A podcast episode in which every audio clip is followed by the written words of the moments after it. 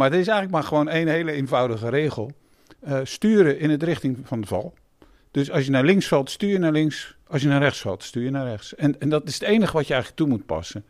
Nou klinkt het heel simpel, maar het is wel iets wat je moet leren door te doen. Dit is De Nieuwe Spaak. Een podcast over gewoon fietsen. How could I forget to mention the bicycle is a good invention? How could I forget to mention the bicycle? Mede mogelijk gemaakt door Gazelle.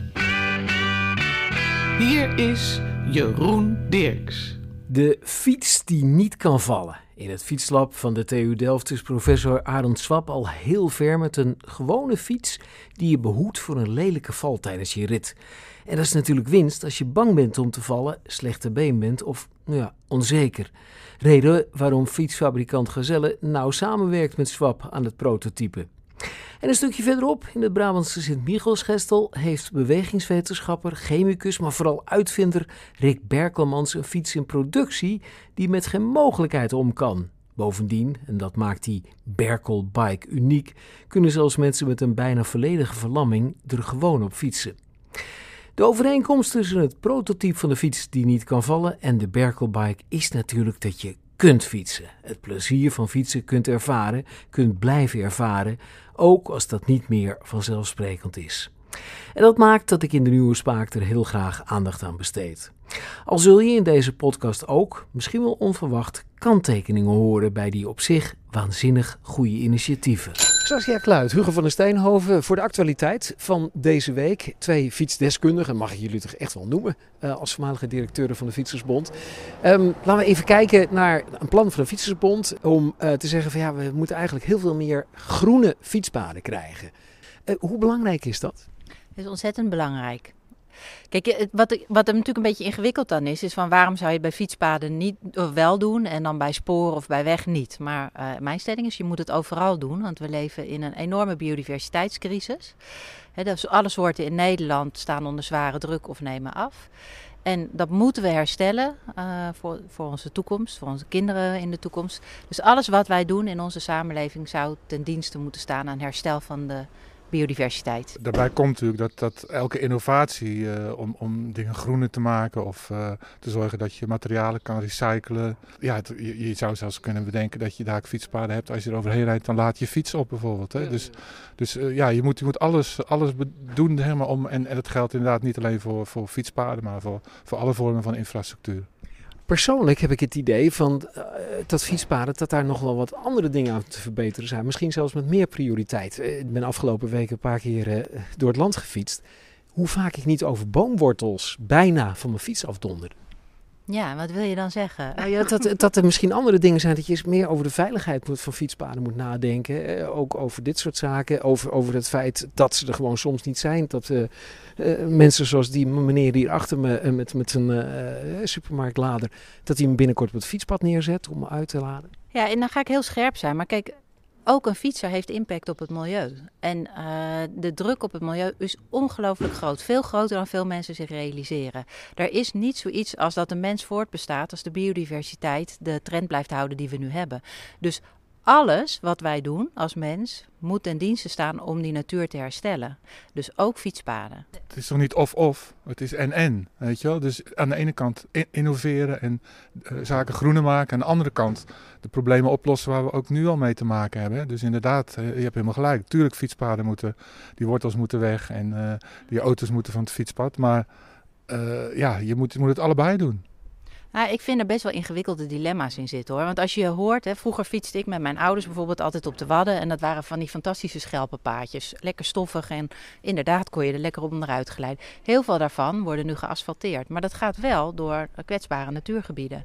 En waarom doen we dat? Omdat er meer gefietst wordt, omdat er met e-bikes gefietst wordt, uh, omdat er kwetsbare ouderen op zitten. Ik vind dat een ingewikkeld dilemma. Want in die natuurgebieden die worden toegankelijker gemaakt. Maar die natuurgebieden staan al echt waanzinnig onder druk.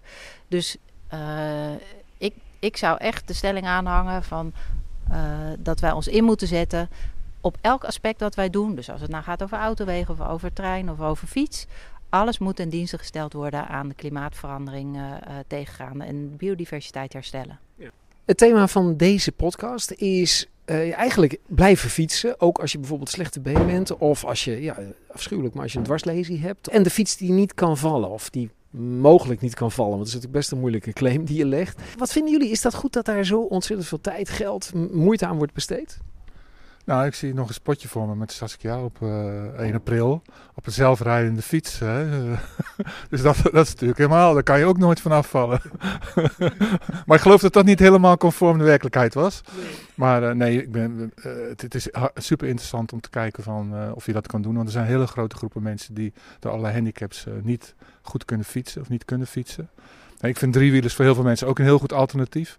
Alleen je moet goed kijken naar de sociale kant. Hè. Ik bedoel, we hebben tien jaar geleden met de Fietsersbond, met TNO, een heel project gedaan om allerlei gadgets te bedenken op fietsen. Radar, uh, biepjes als, je, als, als er verkeer achterop... Je begint erbij te lachen, maar het is ook een radar. Wat, moet hij, wat moest hij doen? Nou, er zit een radartje voor op de fiets. En als je dan een onverwachte tegenligger kreeg, begon hij te tikken. Ja, ja. Dus dan werd je alert.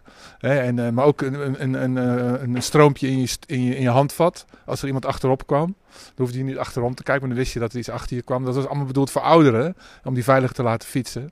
Nou, ik heb daar verder niet zoveel meer van gehoord. Het probleem voor veel oudere fietsers is de hoeveelheid prikkels. En, uh, en stijve schouders, dus dan kan je niet meer omkijken. Dus hadden ze bedacht, dan trilt je stuur. Maar bleek dat oudere mensen daar ook behoorlijk van in de war raakten. Dus, uh, um, en daarnaast was de prijs een probleem. Ik denk dat het heel goed is dat problemen die mensen ervaren opgelost worden. Wat ik wel zie, is dat het een soort hellend vlak is. Hè? Dus de eerste e-bikes werden gebruikt door mensen met bijvoorbeeld knieproblemen of rugproblemen. Fantastisch. Maar tegenwoordig zie je ook kinderen van 14 op een e-bike. Vind ik zeer discutabel als je kijkt naar gezondheid van, uh, van jongeren. Het zou niet goed zijn als deze ontwikkelingen zich gaan doorvertalen naar grootschalig gebruik uh, in de normale fietsmarkt. Ingewikkeld inderdaad, hè? van waar ligt dat uh, optimum zeg maar. Hè? Het is natuurlijk geweldig dat je een fiets ja. ontwerpt waarmee je met een dwarslesie kunt fietsen. Nee, nee, absoluut, dit zou geweldig zijn. Alleen waar houdt op een gegeven moment uh, het voordeel op van bewegen en krijg je het nadeel van dat je bijna niks meer hoeft te doen. Hè? Dat is net als met een e-bike. Er zijn heel veel mensen die op e-bikes fietsen, die meer fietsen dan ze vroeger fietsten. Ja, dus per saldo bewegen ze misschien wel meer. Hè? Maar ja, een jongere die normaal vroeger fietste en nu op een e-bike, ja, die beweegt minder. Dus, dus waar ligt dan op een gegeven moment het optimum? En dat is best lastig, want alles wat bedacht wordt, wordt gebruikt. Dat weten we inmiddels. Dus ja, dat is, vind ik echt wel een dilemma. En wat heel veel mensen niet weten, als je jongeren uh, veel laat bewegen en een gezonde conditie opbouwen, als ze daarna exact hetzelfde doen als iemand die als jongere niet bewogen heeft, blijft hun conditie toch gewoon tot 20% beter. En dat, dat neem je je hele leven mee. Dus ouders die hun kinderen dat ontnemen, die opbouw van een stevige conditie, die zorgen ervoor dat hun kinderen de rest van hun leven een slechtere gezondheid hebben. Dus er staat best wat op het spel. Dan nog even Hugo, jij wil uh, zelf nog het onderwerp over de SWOF en de stepjes. Ja. Nou, ik heb zelf in het bestuur van de SWOF gezeten. SWOF, dat even voor de mensen die het niet kennen, dat is de Stichting Wetenschappelijk Onderzoek Verkeersveiligheid. Zit aan de autoweg in, in Leidschendam. Daar wordt wel eens een fiets uh, bij het beleid betrokken, maar nu hebben ze een beleid over stepjes. Nou, ze zijn de laatste jaren wel wat beter gaan nadenken over de fiets. Hoor. En brengen ook wel af en toe verstandig advies uit, maar dit is echt ongelooflijk. Hè? Ten eerste, die stepjes die zijn nog... We leggen even uit. Wat, wat nou dus ja, de, de, het ging al even over voertuigen op het fietspad wel of niet. En nu zegt dat rapport van de SWOF... die stepjes, die officieel nog steeds niet goedgekeurd zijn in Nederland... die elektrische stepjes, die kunnen wel op het fietspad. Nou ja, echt die dingen dat, uh, dat, uit milieuoverweging alleen naar duurzaamheid. Het zijn waardeloze dingen. Ze liggen in heel Europa, in allerlei grote steden liggen ze op de straat. Worden gewoon wegge weggemieterd, zeg maar. En, en ze vervangen helemaal niks. Hè? Want het enige wat er gebeurt is dat mensen die vroeger gingen lopen of fietsen, die gaan nu op zo'n stepje. He, dus, dus, het helpt helemaal. Kijk er heel boos bij. Ja, in Duitsland is het door de minister als een alternatief voor, de, voor, voor het vervoer uh, aangemerkt. Ja, officieel. Dat vind ik dus die, die innovatieparadox. Hè. Alles wat nieuw is, moet meteen omarmd worden. We hebben ook die, die gekke dingen gehad, weet je wel, waar je op kon staan, die elektrisch werden. De Segway. Nou, dus gelukkig zie je ze nergens meer. Hè. Maar niet alles wat bedacht wordt is goed. En dit, is, dit helpt echt niks. Het vervangt geen autoritten. Het helpt alleen maar mensen. Uh, ja, en, en, er gebeuren ook redelijk veel ongelukken mee. Daarom is het heel verstandig dat Nederland die dingen nog steeds niet toegelaten heeft. En gaat het SWOF adviseren om ze maar op het fietspad. Hè, waar het al zo druk is. En waar het een heel ander type voertuig is dan een fiets. Dus heel onverstandig. Ja, ik ben het hier echt helemaal mee eens. Aan het Swap, daar zien we elkaar weer in het enige fietslab ter wereld, hè? Ja, ja zeker. Leuk je te, te zien hier weer, Jeroen. Want je hebt het, nou, is het een wonder? Ja, ik, ik vind het zelf wel een wonder. Uh, uh, we noemen het de steer assist fiets, uh, die je dan helpt bij het overeind blijven tijdens het fietsen. Ik vind het wel een wonder, omdat als wetenschapper kijken we naar dynamica besturing van fietsen. En dan kom je erachter hoe je balanceert. En dan denk je, hé, hey, maar dan kan ik de mensen ook gaan helpen in dat balanceren door iets toe te voegen aan de fiets. Nou, dat is dan een idee. Maar hier staat de, de verwerkeling van het idee.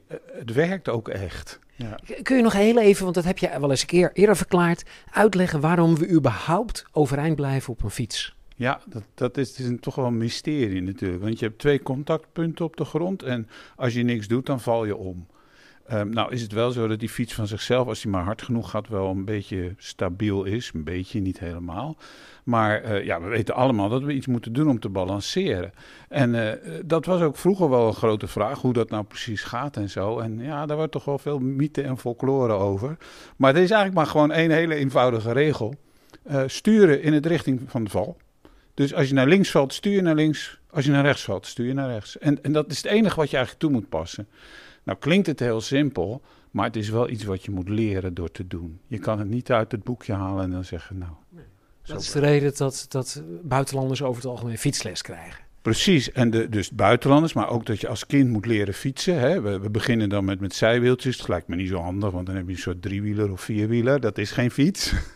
Maar uh, met twee wielen op de grond, dan ja, moet je balanceren. En als die harder gaat, is het wat makkelijker. Dus wat doe je dan? Je pakt dat kind in de nek en je, hey, je duwt hem voor dat hij een beetje snelheid heeft. En zo leer je dat balanceren. Zo leert dat kind dus met links, links corrigeren, rechts, rechts corrigeren. Dat is eigenlijk wat je doet. Dat is eigenlijk wat je doet, ja, ja. En dat hebben jullie nu ook toegepast bij de fiets die niet kan vallen? Nou, wij dachten we kunnen dat actief toevoegen aan een systeem als een actieve hulp aan de bereider. En dat hebben we toegevoegd aan deze fiets. Ja, leg eens uit. Wat, wat het eerste wat opvalt is dat er een soort van. Uh, oh, het klinkt, het klinkt niet hol, maar een soort van koker om het stuur zit. Klopt. Uh, in die koker zit een elektromotor. En die motor kan ervoor zorgen dat, dat hij het stuur verdraait. Dus dat hij een koppel, hè, een kracht, laten we maar zeggen, op het stuur uitoefent, zodat het stuur gaat draaien. Dus we hebben een motor om het stuur te kunnen bedienen te kunnen meedraaien als ik jouw redenering volg. Ja, om, om een, een kracht toe te voegen. Zo moet je het eigenlijk meer zien. Hè? Want je hebt je handen op het stuur en daarmee bedien je het stuur. En die motor die kan je daarbij helpen. Ja, oké. Dus die motor die stuurt mee. Mee. Ja, ja, En dan heb je een vrij dikke, er zal ook wel iets geheimzinnigs in zitten, een, geheim, uh, een vrij dik frame. Ja, uh, dat is een heel geheimzinnige doos die daar zit. Dat is een enorme accu. Oké.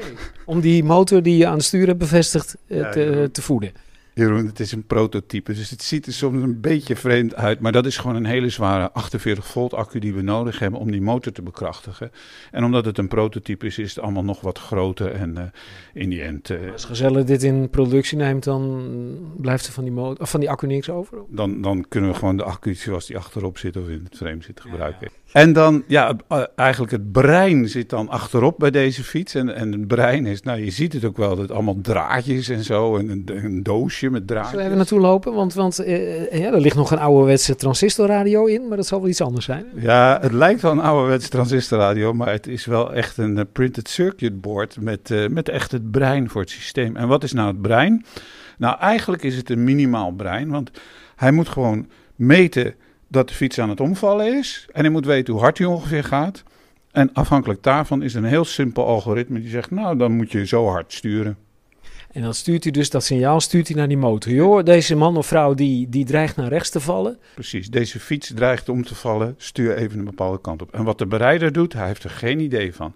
Dus als je als bereider ineens denkt, nou, ik stuur toch de andere kant op. Dat kan heel goed. En dan val je alsnog natuurlijk. Hij, hij stuurt niet tegen, hij stuurt als het ware een beetje mee. Hij, hij nutst je eigenlijk in de goede richting van wat je moet doen.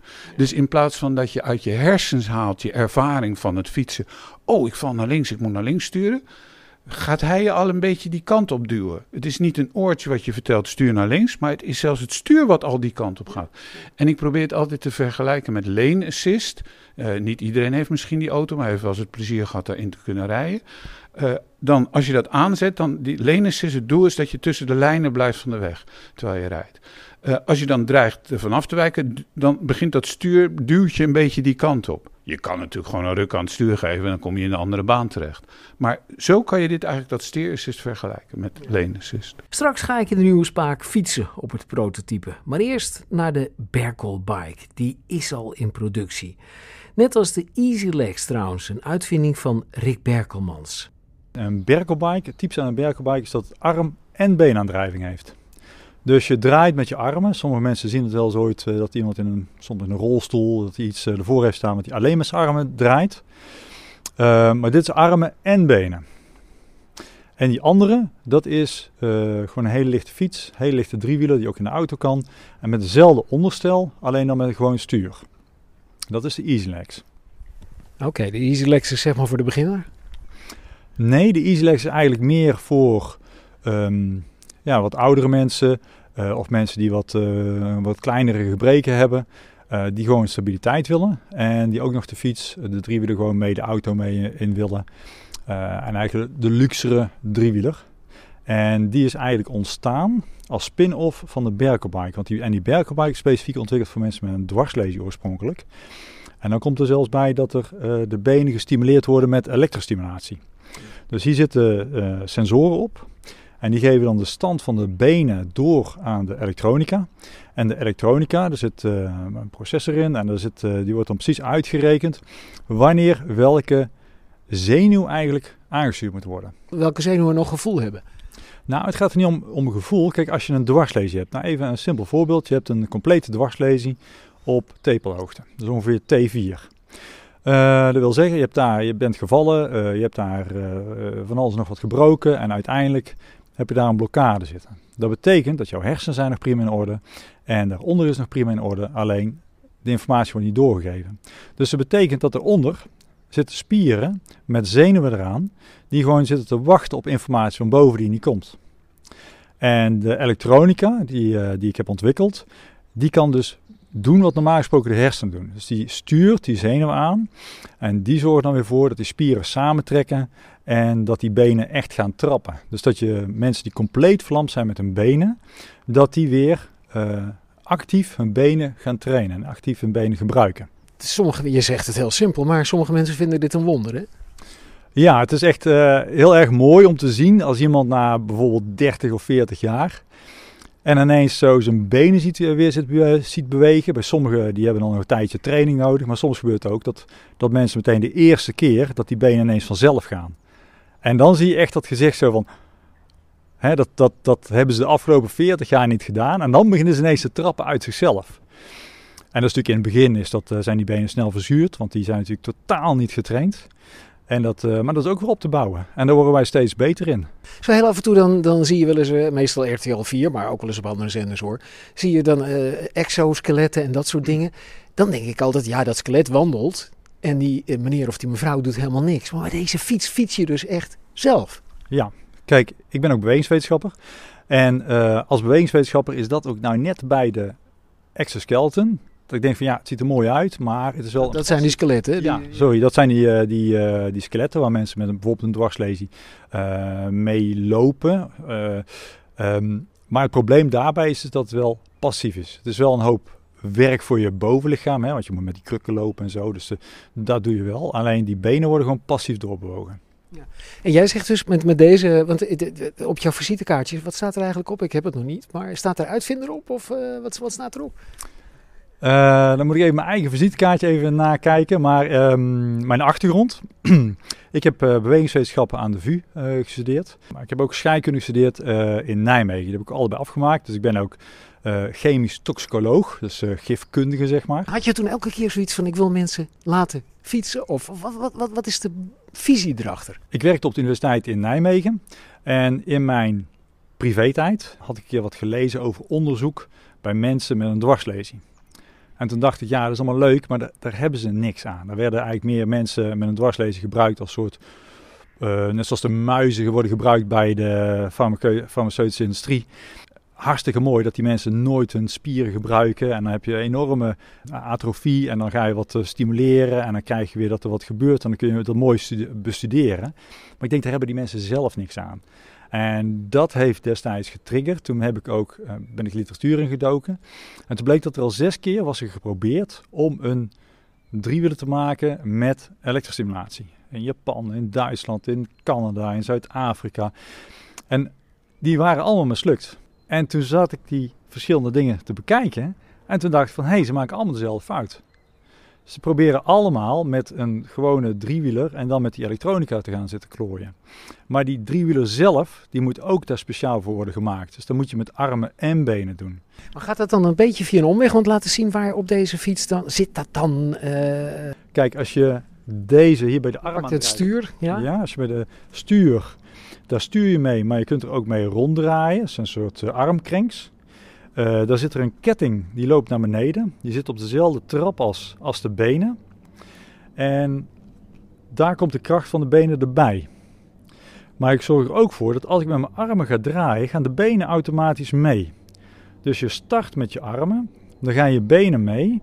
Daar zit dan sensoren zitten daarin die dat detecteren. Die geven de stand van de benen door aan de elektronica. En de elektronica begint vervolgens die spieren en die zenuwen en die spieren aan te sturen, zodat die ook mee gaan trappen.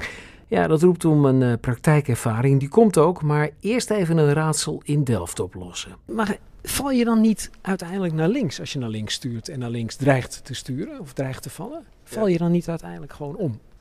Daarom is het ook zo raar eigenlijk. En daarom moet je het gewoon leren door het te doen. Want als je het uit een boekje haalt, denk je, dat werkt helemaal niet, dat kan niet. Nee. Maar hoe vaak ben jij er nu mee gevallen? Ik ben er zelf nog nooit mee gevallen, maar dat is geen goede maatstaf. De professor zelf is er niet mee gevallen. Goed, nou doe de deur open. Dan gaan we het even buiten proberen. Er zit hier een knopje aan, dan kan je de, uh, ja, de steerassist aan of uitzetten. En die hadden we eerst niet. En toen dachten we, ja, doet hij het eigenlijk wel? dus met het knopje kan je heel goed merken van, als je hem uitzet, oh ja, hij doet het heel goed. Ja. Want daarna moet je ineens heel veel sturen. Maar ik zet hem nu voor jou eerst aan. Ja. En het idee is om gewoon rustig te fietsen. En stel nou dat het bevalt, hè? Dan wendt het volgens mij wel ontiegelijk snel. Dus dan kun je nooit meer op een gewone fiets. Je kan dan zeker nog wel op een gewone fiets, maar die vind je dan niet zo lekker rijden. Beetje net zoals met elektrisch ondersteunde fiets. Als je eenmaal aan oprijdt, dan wil je niet meer terug, geloof ik. Goed, nou, ik ga het proberen. Ik ga nu een bocht maken. Eens even kijken wat hij daarop doet. Ik rem eerst. Dan ga ik naar links sturen. En dan stuurt hij inderdaad al heel veel mee naar links. Ik heb als het ware een kleinere draaicirkel gekregen. En nu fiets ik weer naar Arend toe. Eens even kijken. Arend, als jij iets naar links gaat staan. Ja. Ja, dat is dus... Ik heb het gevoel dat ik een kleinere draaicirkel heb. Want hij, hij, als ik naar jou toe draai, heel voorzichtig naar links, dan draait hij hem al verder naar links. Dat zou best kunnen. Ik bedoel, hij, hij, je, je kan misschien wel kleinere bochtjes maken. Dat, dat, hebben we nog niet naar gekeken. Het zou best wel kunnen. Nee, maar is dat wel een beetje uh, ook, het, ook het zekerheidsmechanisme wat jullie hebben ingebouwd? Nee, het zekerheidsmechanisme is gewoon als je rechtuit fietst en je dreigt om te vallen, gaat hij gewoon sturen in de richting van het val. En we hebben op het moment diverse programma's met sterk of zwak. En dat, dat moeten we gewoon uitproberen van wat vindt de mens prettig en wat werkt goed. Ja. En is het ook zo dat als je harder rijdt, dat hij ook harder stuurt? Nee, het is eigenlijk net andersom. Als je harder rijdt, stuurt hij minder. Want als je harder rijdt, heb je eigenlijk minder actie nodig om overeind te blijven. Zelfs bij een bepaalde snelheid is een fiets van zichzelf al bijna helemaal stabiel. Dus dan hoef je eigenlijk haast niks te doen. Ik fiets nu uh, op het buitenterrein van... Uh, waarom, waarom loop je mee? Ben je bang? Nou, nee, ik vind het gewoon leuk, want ik hoor, hoor, wat jij zegt. Ja. Want, ik wil misschien ook wat instructie geven. Ja, maar nou geef eens een instructie dan. Nou ja, je moet dus even uh, een stukje fietsen, gewoon heel rustig en gedachteloos. Ja. En dan wat bochtjes maken en zo, niet al te hard gaan. En dat moet je dan ook eens een keer eens Zal- proberen eens om- zonder dat systeem. Oké, zal ik eens om die gezelleman heen fietsen? Zo. Oeh. Ja, het is weer hetzelfde hoor. Hij, hij, hij pakt hem als het ware sneller, die bocht. Ja. Nou, eens even kijken. Ik ga nu eens even wat sneller. En inderdaad, dan voel je dat het, eh, dat het motortje loslaat. Want je voelt hem eigenlijk op het moment dat je langzaam fietst constant vasthouden aan, eh, aan het sturen. Alsof er iemand heel voorzichtig zit mee te trekken, mee te duwen eh, op het stuur. Nu draai ik dus weer een bochtje naar links. Ja, dan is het meteen dat hij ertussen zit en meestuurt. Ja, en daarmee kun je als het ware dus eh, je balans beter houden. Dus het werkt wel, dit prototype. Ehm, voor zover ik het op dit moment kan beoordelen. Dus even kijken. Nu zal ik eens een bocht naar rechts maken. Heb ik nog helemaal niet gedaan. Zo. Ja, en dan... Arend, ik vind hem naar rechts iets minder meesturen dan naar links. Nou ja, dat zou best kunnen omdat iemand wel eens gevallen is met die fiets. Dus hij is een beetje asymmetrisch.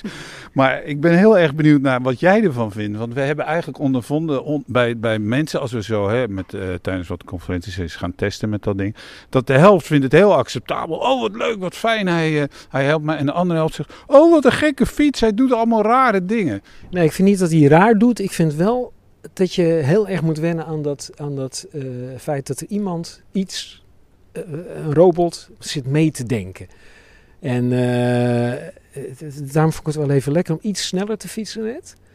Want dan, dan voel je dat hij loslaat. Dat je, dat, je, dat je als het ware niks meer hoeft te doen. Precies, dat was ook precies wat ik graag wilde dat je deed. Ja, ja.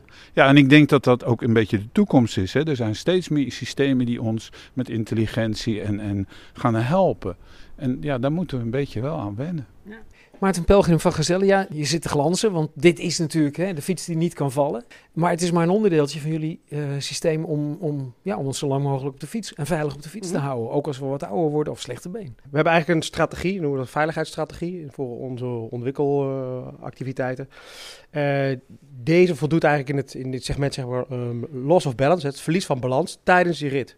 Nee, dus daar uh, is dit een hele mooie oplossing voor. Daar, wat Arend zegt, dit is Proto 1. We zijn bezig met Proto 2. Uh, die ziet er al wat beter uit, ziet er wat meer als een fiets uit. En, en nog steeds allemaal in de onderzoeksfase. We zitten nog helemaal niet in, in, een, in een realisatie waar we kunnen zeggen, dan en dan komt hij op de markt. Het is echt nog echt onderzoek. Nou, naast dit verhaal over ja, het verlies van balans tijdens het fietsen, daar komt toch, ja, komt toch vrij veel voor. Hè. Het aantal eenzijdige ongevallen, wat wij weten, ook vanuit de Stichting Wetenschappelijk Onderzoek Verkeersveiligheid, is groot.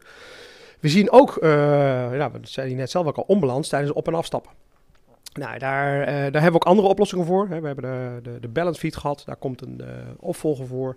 laag bij de grond, altijd benen bij de grond kunnen hebben bij het op- en afstappen. Uh, comfortabel, rechtop zitten, goed overzicht over het verkeer. er zijn een heleboel zaken voldoen eraan dat je eigenlijk ook nou, zo lang mogelijk kunt blijven fietsen. Ik zit even te denken hoor, maar spiegeltjes en dat soort dingen, ja. in hoeverre? Ja, zeker ook een spiegel.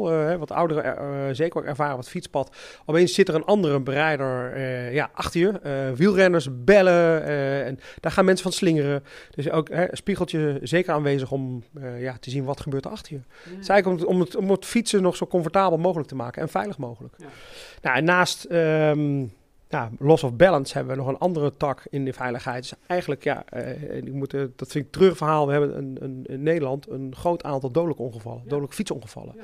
Zelfs meer dan bij gemotoriseerde voertuigen. Nou, en als je dat analyseert, dan zie je dat een groot deel van die dodelijke ongevallen komt door aanrijding met een gemotoriseerd voertuig. Hè, bus, motor, tram. Um, daar, daar, werken we ook aan. Uh, is het echt om een ander, uh, een ander tijdstraject, maar vehicle-to-vehicle communicatie. Uh, dat zie ik zeker de komende vijf tot tien jaar nog niet op de markt komen. Dat, hebben we ook even, even nu, we zijn nu toch in, in het fietslab. Dat is dus dat, je, dat, dat jouw mobiele, mobiele telefoon correspondeert met de telefoon van de, de, de, automobilist die jou dreigt aan te rijden? Ja, niet, niet de mobiele telefoon die je zelf bij hebt, maar de, de voertuigen zelf communiceren met elkaar. Van, hè, op het moment dat je ergens in een dode hoek zit, kun je een alarm geven bij een auto. En dan kun je zeggen, hey, let op, automobilist, er zit iemand rechts achter je. Je hebt het zelf nog niet in de gaten. Of twee, twee voertuigen die achter een gebouw rijden, maar zeg maar wel op, op uh, botsingskoers noem ik het dan maar eventjes. Die, die voertuigen hebben elkaar al gezien uh, via een, uh, een, communicatiesignaal, zonder dat de bereiders elkaar gezien hebben. Nou, dat kan echt wel helpen in het, uh, ja, het voorkomen van ongevallen, het voortijdig waarschuwen.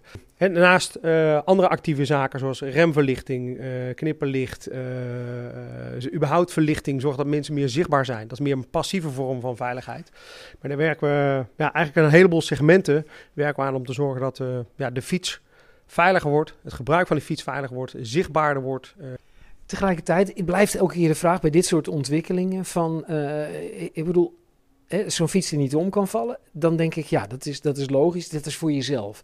Maar als jij, jij bent wel heel erg bezig met te bedenken vanuit de botsing die eraan dreigt te komen, hè? dus met die automobilist. Moeten we die automobilist niet gewoon ook simpel wat meer lesgeven in het, uh, het feit dat er fietsers zijn? Ik bedoel, elke automobilist in Nederland, heb ik geleerd, is ook een fietser. Uh, als, ja. jij, als jij die fietser steeds meer tot een kerstboom ombouwt, dan, uh, ja, dan hoeft die automobilist ook niet meer na te denken. Ja, ja, het is een goede veronderstelling. Um, ik, ik geloof niet zozeer in het uh, opvoeden van automobilisten. Ik denk dat we. Ik geloof niet in het auto. Nee? nee, ik denk wat we doen. Wat we zijn andere zaken die veel positiever zijn. Is namelijk onze infrastructuur inrichten. Veel meer voor fietsers. Hè? Auto te gast. Uh, de infrastructuur in steden veranderen. Nou, dat, COVID is denk ik een hele mooie opstap daarvoor, in alle eerlijkheid. De infrastructuur veranderen zodat fietsen meer baan krijgen, meer ruimte krijgen. Een betere afscheiding tussen rijbaan en, en, en fietspad. Dat uh, de faciliteit neerleggen, ook in het buitenland. Dat zie je nu echt wel trends ontstaan. Dat werkt veel meer nog dan die, dan die automobilist uh, opvoeden. Die automobilist weren uit het centrum. Ik denk dat dat. Uh, en die fiets, de voetganger meer ruimte geven. Dat gaat veiligheid zeker ten goede komen. Maarten Pelgrim van Gezellen in de Nieuwe Spaak. Ook de Berkelbike heeft natuurlijk baat bij het weren van de automobilist. Maar werken doet hij nu al, zegt Rick Berkelmans. Nou, het mooie is dat, natuurlijk, uh, dat je niet per se een dwarslezing hoeft te hebben om erop te fietsen. Sterker nog, uh, heel veel fietsen nu die wij verkopen, heel veel berkophuis die wij nu verkopen, zijn een andere patiëntgroepen. Dus bijvoorbeeld mensen met een beenamputatie, die kunnen hier ontzettend goed op fietsen. Zelfs mensen met twee uh, protheses en dan boven de knie amputaties. Um, maar ook bijvoorbeeld mensen met MS. En dat had ik zelf helemaal niet verwacht. Maar bij MS is het dus zo dat die spieren die zijn vaak uh, gespannen. Dat hoor ik tenminste terug van hem. En als ze dan gefietst hebben, dan ontspant dat. En dat is een effect wat ik niet had verwacht. Maar het interessante is dat in um, twee jaar geleden hebben ze in Canada ontdekt dat je mensen met incomplete dwarslezing de verbinding tussen hersenen en benen ook kunt verbeteren door op deze manier te trainen. En dat als de armen actief zijn, de reflexen in de benen veranderen. En ik denk dat hetzelfde mechanisme bij MS-patiënten speelt. Dus als de armen actief zijn, dan veranderen de reflexen in de benen. Bij zowel dwarsleespatiënten, dat is vastgesteld. Alleen empirisch, als dat terughoor, ook bij mensen met MS. Want die zeggen als ik gefietst heb, dan zijn die benen ineens ontspannen. En dat is niet als ze alleen met de benen fietsen, maar wel als ze met armen en benen fietsen.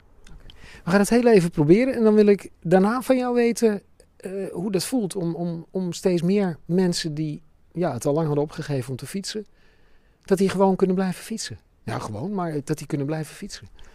Maar dat geeft wel heel erg veel voldoening, moet ik zeggen. Dat, is, dat, dat blijft toch erg leuk om te zien.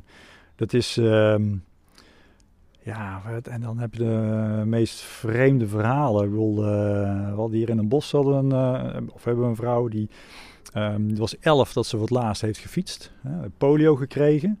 En die is nu uh, zo rond de 60. En dan op duur ja, gaat ze voor het eerst weer fietsen. En dat is echt zoiets wat ze, wat ze niet meer had gedacht dat ze dat ooit nog zou kunnen. En dat dat lukt. En ook natuurlijk die mensen met een, met een dwarslees dan echt, ja, waarbij je dat gezicht ineens de verwondering ziet en de uh, bijna shock van, hé, hey, mijn benen doen weer iets dat is wel heel, ja, heel, dat geeft heel veel voldoening. Ja. Zo, zet je andere voet er maar op. Ja. Uh, trap eens even achteruit. Wat, hoe rem ik eigenlijk? Nou kijk, als je hier achteruit drukt, kijk. Zo. Oh, staat hij meteen stil. We gaan wel daar vooruit. Oh. Oké.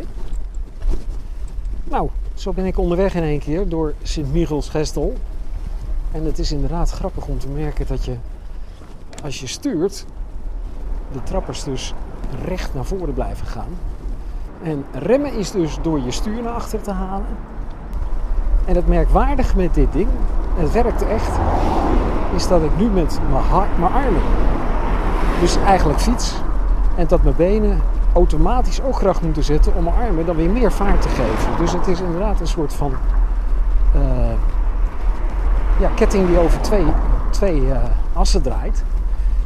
En uh, dat ik hier uh, redelijk snel ga. Uh, terwijl het absoluut geen lichtfiets is. Hij lijkt erop, maar het is er niet. En het zit ongelooflijk stabiel. Ik kan me heel goed voorstellen dat dit werkt, omdat je met je armen alles kunt doen en je benen mee moeten. Maar dan niet op een vervelende manier. Je kunt alleen je hand niet uitsteken. Nou, je kunt er wel uitsteken, maar dan kun je niet sturen. En als je niet stuurt, dus niks met je handen doet, gaan ook je benen niet mee. Wat zeg je? Oh, heeft je versnellingen? Oh ja, ik zie het. Je hoort het, je bent nooit, nou ja, ik ben in ieder geval nooit te oud om te leren. En het is echt de oplossing voor als je niet alles meer kunt. Eigenlijk wel grappig hoe dat ontwikkelt. Want ik heb me natuurlijk in eerste instantie gericht op mensen met een dwarslezing, met een complete dwarslezing. En dan ook nog eens een keer die hun armen nog wel konden gebruiken. En dan, ik had tijdens de ontwikkelings, dat ontwikkelingsproces al in de gaten van het is wel breder toepasbaar. Maar vervolgens uh, krijg je automatisch dat de mensen komen met een incomplete dwarslezing. Zeggen van, goh, ik heb nog zoveel gevoel. Uh, mag ik hem eens proberen zonder elektrostimulatie? Want ze wilden mij in een handbike laten zitten, maar dan doe ik helemaal niks met mijn benen. Ga ik verder achteruit. Uh, dan krijg je toch mensen met een net wat hogere dwarslezen. Ga je ook proberen. En elke keer ga je de, zo je grenzen verleggen. En dan komen er mensen met MS. En, dan, en uiteindelijk kwamen er ook valide mensen die zeggen van ja, maar deze fiets kan, uh, is hartstikke licht. Uh, kan uit elkaar. Dat kan mijn driewielen niet. kun je niet een driewiel variant, dus hij heeft al drie wielen, maar ik bedoel met een gewoon stuur. Ja. kan ik er niet eentje kopen met gewoon stuur. Ja, en zo is dat eigenlijk allerlei spin-offs krijg je dan. Verbaas je dat? Um, meer, nou, ik had het van tevoren niet zo uh, verwacht. Het is eigenlijk uh, veel verder uitgebreid, meer als een olievlek gegaan dan ik voor, vooraf had, uh, had voorgesteld. En daar ben ik natuurlijk ontzettend blij mee, want dat is ja, als ik ook kijk, uiteindelijk doordat die fiets zo goed is, heeft ook het bedrijf kunnen de moeilijke periode kunnen doorstaan. Want die elektronica ontwikkelen, die, die, die hardware, die software, de, de broeken die erbij horen, de elektrodes, um, dat, is, dat kost zoveel geld. Ja. Dat, ik was al lang hartstikke failliet geweest als ik niet ook gewoon verkoop had van die uh, fietsen zelf. Maar je wordt dus eigenlijk socialer dan dat je gedacht had. Als je erover nadenkt. Ja. Nou, en er zit ook nog wel steeds bij, want we krijgen nog steeds vragen van mensen. Uh, we hadden deze week nog um, iemand met, uh, uit Duitsland, iemand met ALS. En die kan alleen nog zijn benen bewegen. Of we dan iets konden maken waarbij de, alleen de, met de benen, maar ook met de benen sturen. En ja, dan ga je toch zitten denken, wat kan ik? Hoe zouden we dat dan moeten doen? En ja, dat is natuurlijk, daar verdien je geen knoop. Het kost alleen maar geld. Alleen dat is toch, ja, het is toch ook een uitdaging om iemand te helpen die eigenlijk waarbij eigenlijk de meeste mensen al de hoop hebben opgegeven. Zo blijft gewoon fietsen mogelijk op hele bijzondere fietsen. Waarbij de fiets die niet kan vallen in Delft trouwens nog een prototype is, ik zei het al, die op zijn vroegst over een paar jaar in productie gaat. En tot slot van deze podcast vroeg ik mijn vaste columnist ook nog even zijn mening te geven. Tik, de mobiele fietsenmaker. Uh, de fiets die niet, nou waarschijnlijk niet, mogelijk niet, kan vallen. Ze zijn natuurlijk jaren bezig met een fiets te ontwikkelen die veiliger is voor bijvoorbeeld minder valide mensen. Mm, die hebben ze natuurlijk al heel lang, want de driewieler bestaat al heel lang. Uh, ook de driewieler is ontzettend doorontwikkeld. Uh, dus het, het, ja, het gangbaar maken van een fiets met twee wielen die niet om kan vallen, daar zie ik het nut eigenlijk totaal niet van in. Uh, ten eerste omdat we sturen met twee wielen. En dat doe je eigenlijk nauwelijks door het stuur, maar meer door je gewicht. Uh, op het moment dat je dat gaat manipuleren met computers, wat we natuurlijk tegenwoordig kunnen, met uh, zeer snelle chips die dat kunnen berekenen van wat gebeurt er als je wat meer naar links, wat meer naar rechts gaat hangen. En dat daardoor de fiets zou, zou kunnen gaan sturen, dat is natuurlijk wel heel mooi dat het allemaal kan. Het is alleen een beetje de vraag of je dat op twee wielen zou willen. Ik vind het een klein beetje vergezocht. Als je goed gaat kijken wat er nu zeg maar, op drie wielen rondrijdt, al, dat is al zo high-tech. Dat is echt heel bijzonder om te zien. De minder valide mensen fietsen daarmee. En het is niet meer zo dat je eruit ziet als een invalide als je erin zit. Want het ziet er gewoon verschrikkelijk super uh, gaaf sportief uit. En ik denk dat het wel mooi is dat deze ontwikkelingen uh, in gang gezet zijn. De veilige fiets, de fiets die voor iedereen uh, toegankelijk is. En die er nog steeds uitziet als een gewone fiets. Want dat is natuurlijk het verhaal. En dat is bij de vroeger bij de elektrische fiets natuurlijk ook al zo. Dat iedereen zei van ja, maar ik hoef geen accu'tje achterop. Dan ziet iedereen dat ik een elektrische fiets heb. Dat is belachelijk. Dat ga ik niet doen.